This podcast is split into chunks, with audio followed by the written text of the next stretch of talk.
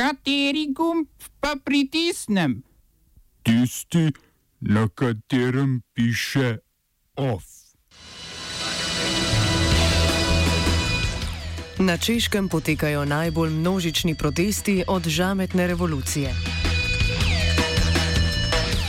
Na mednarodno kazensko sodišče vložena obtožnica zoper visoke uradnike EU zaradi smrti prebežnikov v sredozemlju. Slovenija gosti vrh pobude Trimorja. V Izoli se začenja 15. mednarodni filmski festival Kino Otok.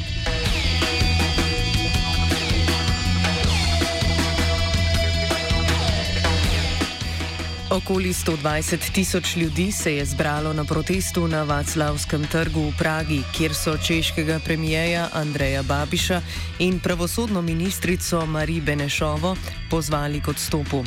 Gre za najobsežnejše demonstracije po žametni revoluciji leta 1989. Prvi protest se je zgodil konec aprila, ko je premijer Babiš samovoljno razrešil pravosodnega ministra Jana Knježnika in na njegovo mesto imenoval Benešovo. Dan predtem je policija pozvala k obtožnici proti premijeju. Izbor Benešove sicer ni bil presenečenje, saj je bila lanskega januarja ena izmed redkih v češkem parlamentu, ki je glasovala proti odzemu poslanske imunitete Babišu.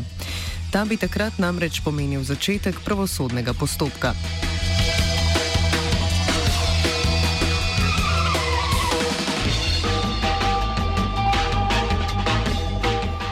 Po oceni Evropske komisije v preliminarnem poročilu, ki ga je v petek poslala Češki, se je premijer Babiš zaradi lastništva v podjetjih, ki so neupravičeno prejemala evropska sredstva, znašel v konfliktu interesov.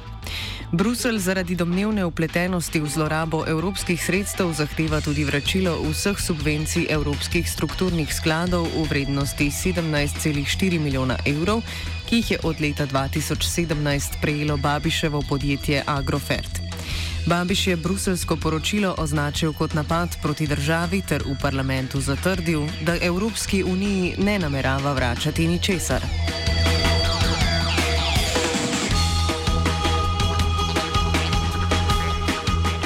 Češka pa ni edina članica, s katero se prepira Evropska komisija.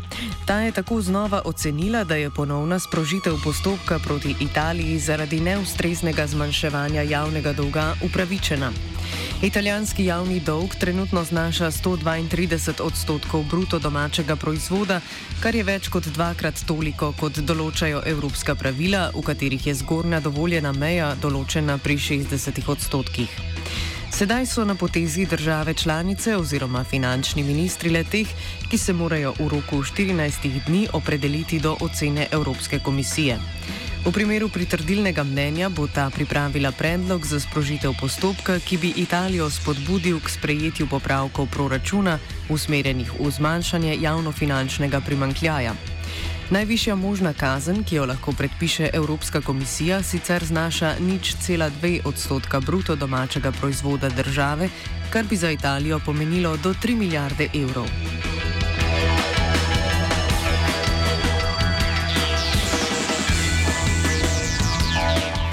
Skupina pariških odvetnikov je na pisarno vrhovne toživke Mednarodnega kazenskega sodišča Fatu Bensuda naslovila predlog sodnega pregona visokih uradnikov Evropske unije in njenih članic zaradi dopustitve smrti prebežnikov na poti iz Libije v Evropsko unijo. Glavna avtorja dokumenta, ki obsega 245 strani, sta nekdani sodelavec Mednarodnega kazenskega sodišča in francoskega zunanjega ministrstva Juan Branco ter izraelski odvetnik in univerzitetni predavatelj v Parizu Omer Šac.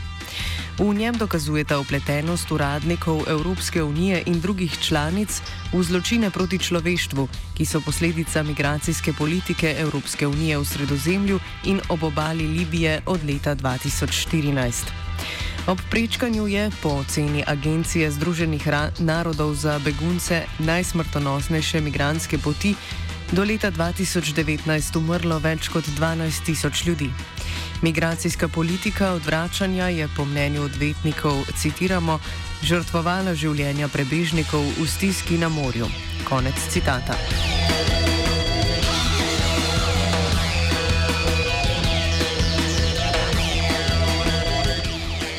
Politična kriza v Sudanu se nadaljuje. Potem, ko so pripadniki vojaških enot na začetku tedna nasilno razgnali protestnike, utaborjene pred stavbo obramnega ministrstva v Kartumu, so obkolili bolnišnico Royal Care, kasneje pa so jo izpraznili in aretirali enega izmed zdravnikov, sicer udeleženca demonstracij. Po podatkih Centralnega komiteja sudanskih zdravnikov, ki je povezan z opozicijo, je od ponedeljka umrlo 60 ljudi, 300 je bilo ranjenih. Na zahtevo Nemčije in Velike Britanije se je včeraj sicer sestal Varnostni svet Združenih narodov, na srečanju pa je posebni odposlanec te organizacije za Sudan Nikolas Hejsom predstavil razmere v državi. Nemčija in Velika Britanija sta na zasedanju predstavili predlog izjave, v kateri bi Združeni narodi obsodili smrt protestnikov in se zauzeli za takojšen konec nasilja. Njeno sprejetje sta blokirali Kitajska in Rusija, čež da je ta neuravnotežena in da velja počakati na mnenje Afriške unije, katere svet za varnost in mir se bo sestal danes. Spomnimo, da so voditelji Sudanskega vrhovnega sveta včeraj preklicali vse dogovore z opozicijo in napovedali izvedbo volitev v roku devetih mesecev.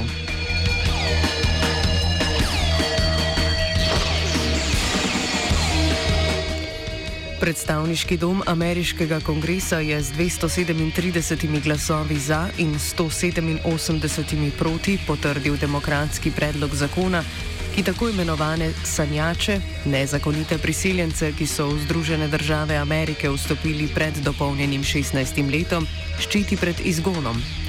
S tem bi uredili pravni status 2,5 milijona nezakonitih priseljencev, ki so bodi si že vključeni v program DAKA, bodi si še ne, kot tudi tistim, ki prihajajo iz držav prizadetih zaradi naravnih katastrof ali nasilja in imajo trenutno status začasnega begunca. Kljub temu, da je predlog zakona uspešno prestal prvo fazo obravnave, brško ne nikoli ne bo stopil v veljavo. Senat, v katerem imajo večino republikanci, ga bo namreč najverjetneje zavrnil. Če pa bi do sprejetja slučajno prišlo, je predsednik Donald Trump že napovedal uložitev veta. Oba, če, če bom odgovoril na angliški. Slovenija bo poskušala pomagati. Slovenija bo naredila naš utmost, da bo rekla, da je situacija naš problem, sami. In bomo naredili nadaljnje korake, as soon as the conditions are. Bomo vlado Marjana Cererera Šarca podprli. Very, very serious. News from Slovenia. We know how and we will.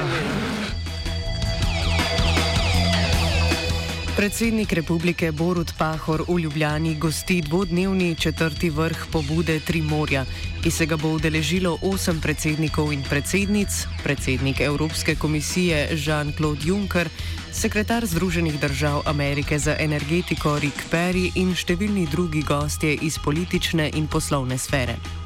Pobuda Tri morja je nastala leta 2015 in združuje države med Balskim, Jadranskim in Črnim morjem, njen namen pa je predvsem povezovanje na področjih prometa, digitalizacije in energetike. Prav večja energetska neodvisnost od Rusije je razlog, da pri pobudi že od vsega začetka sodelujejo tudi Združene države Amerike. Ovsta pripravila vajenka Anja in Žiga.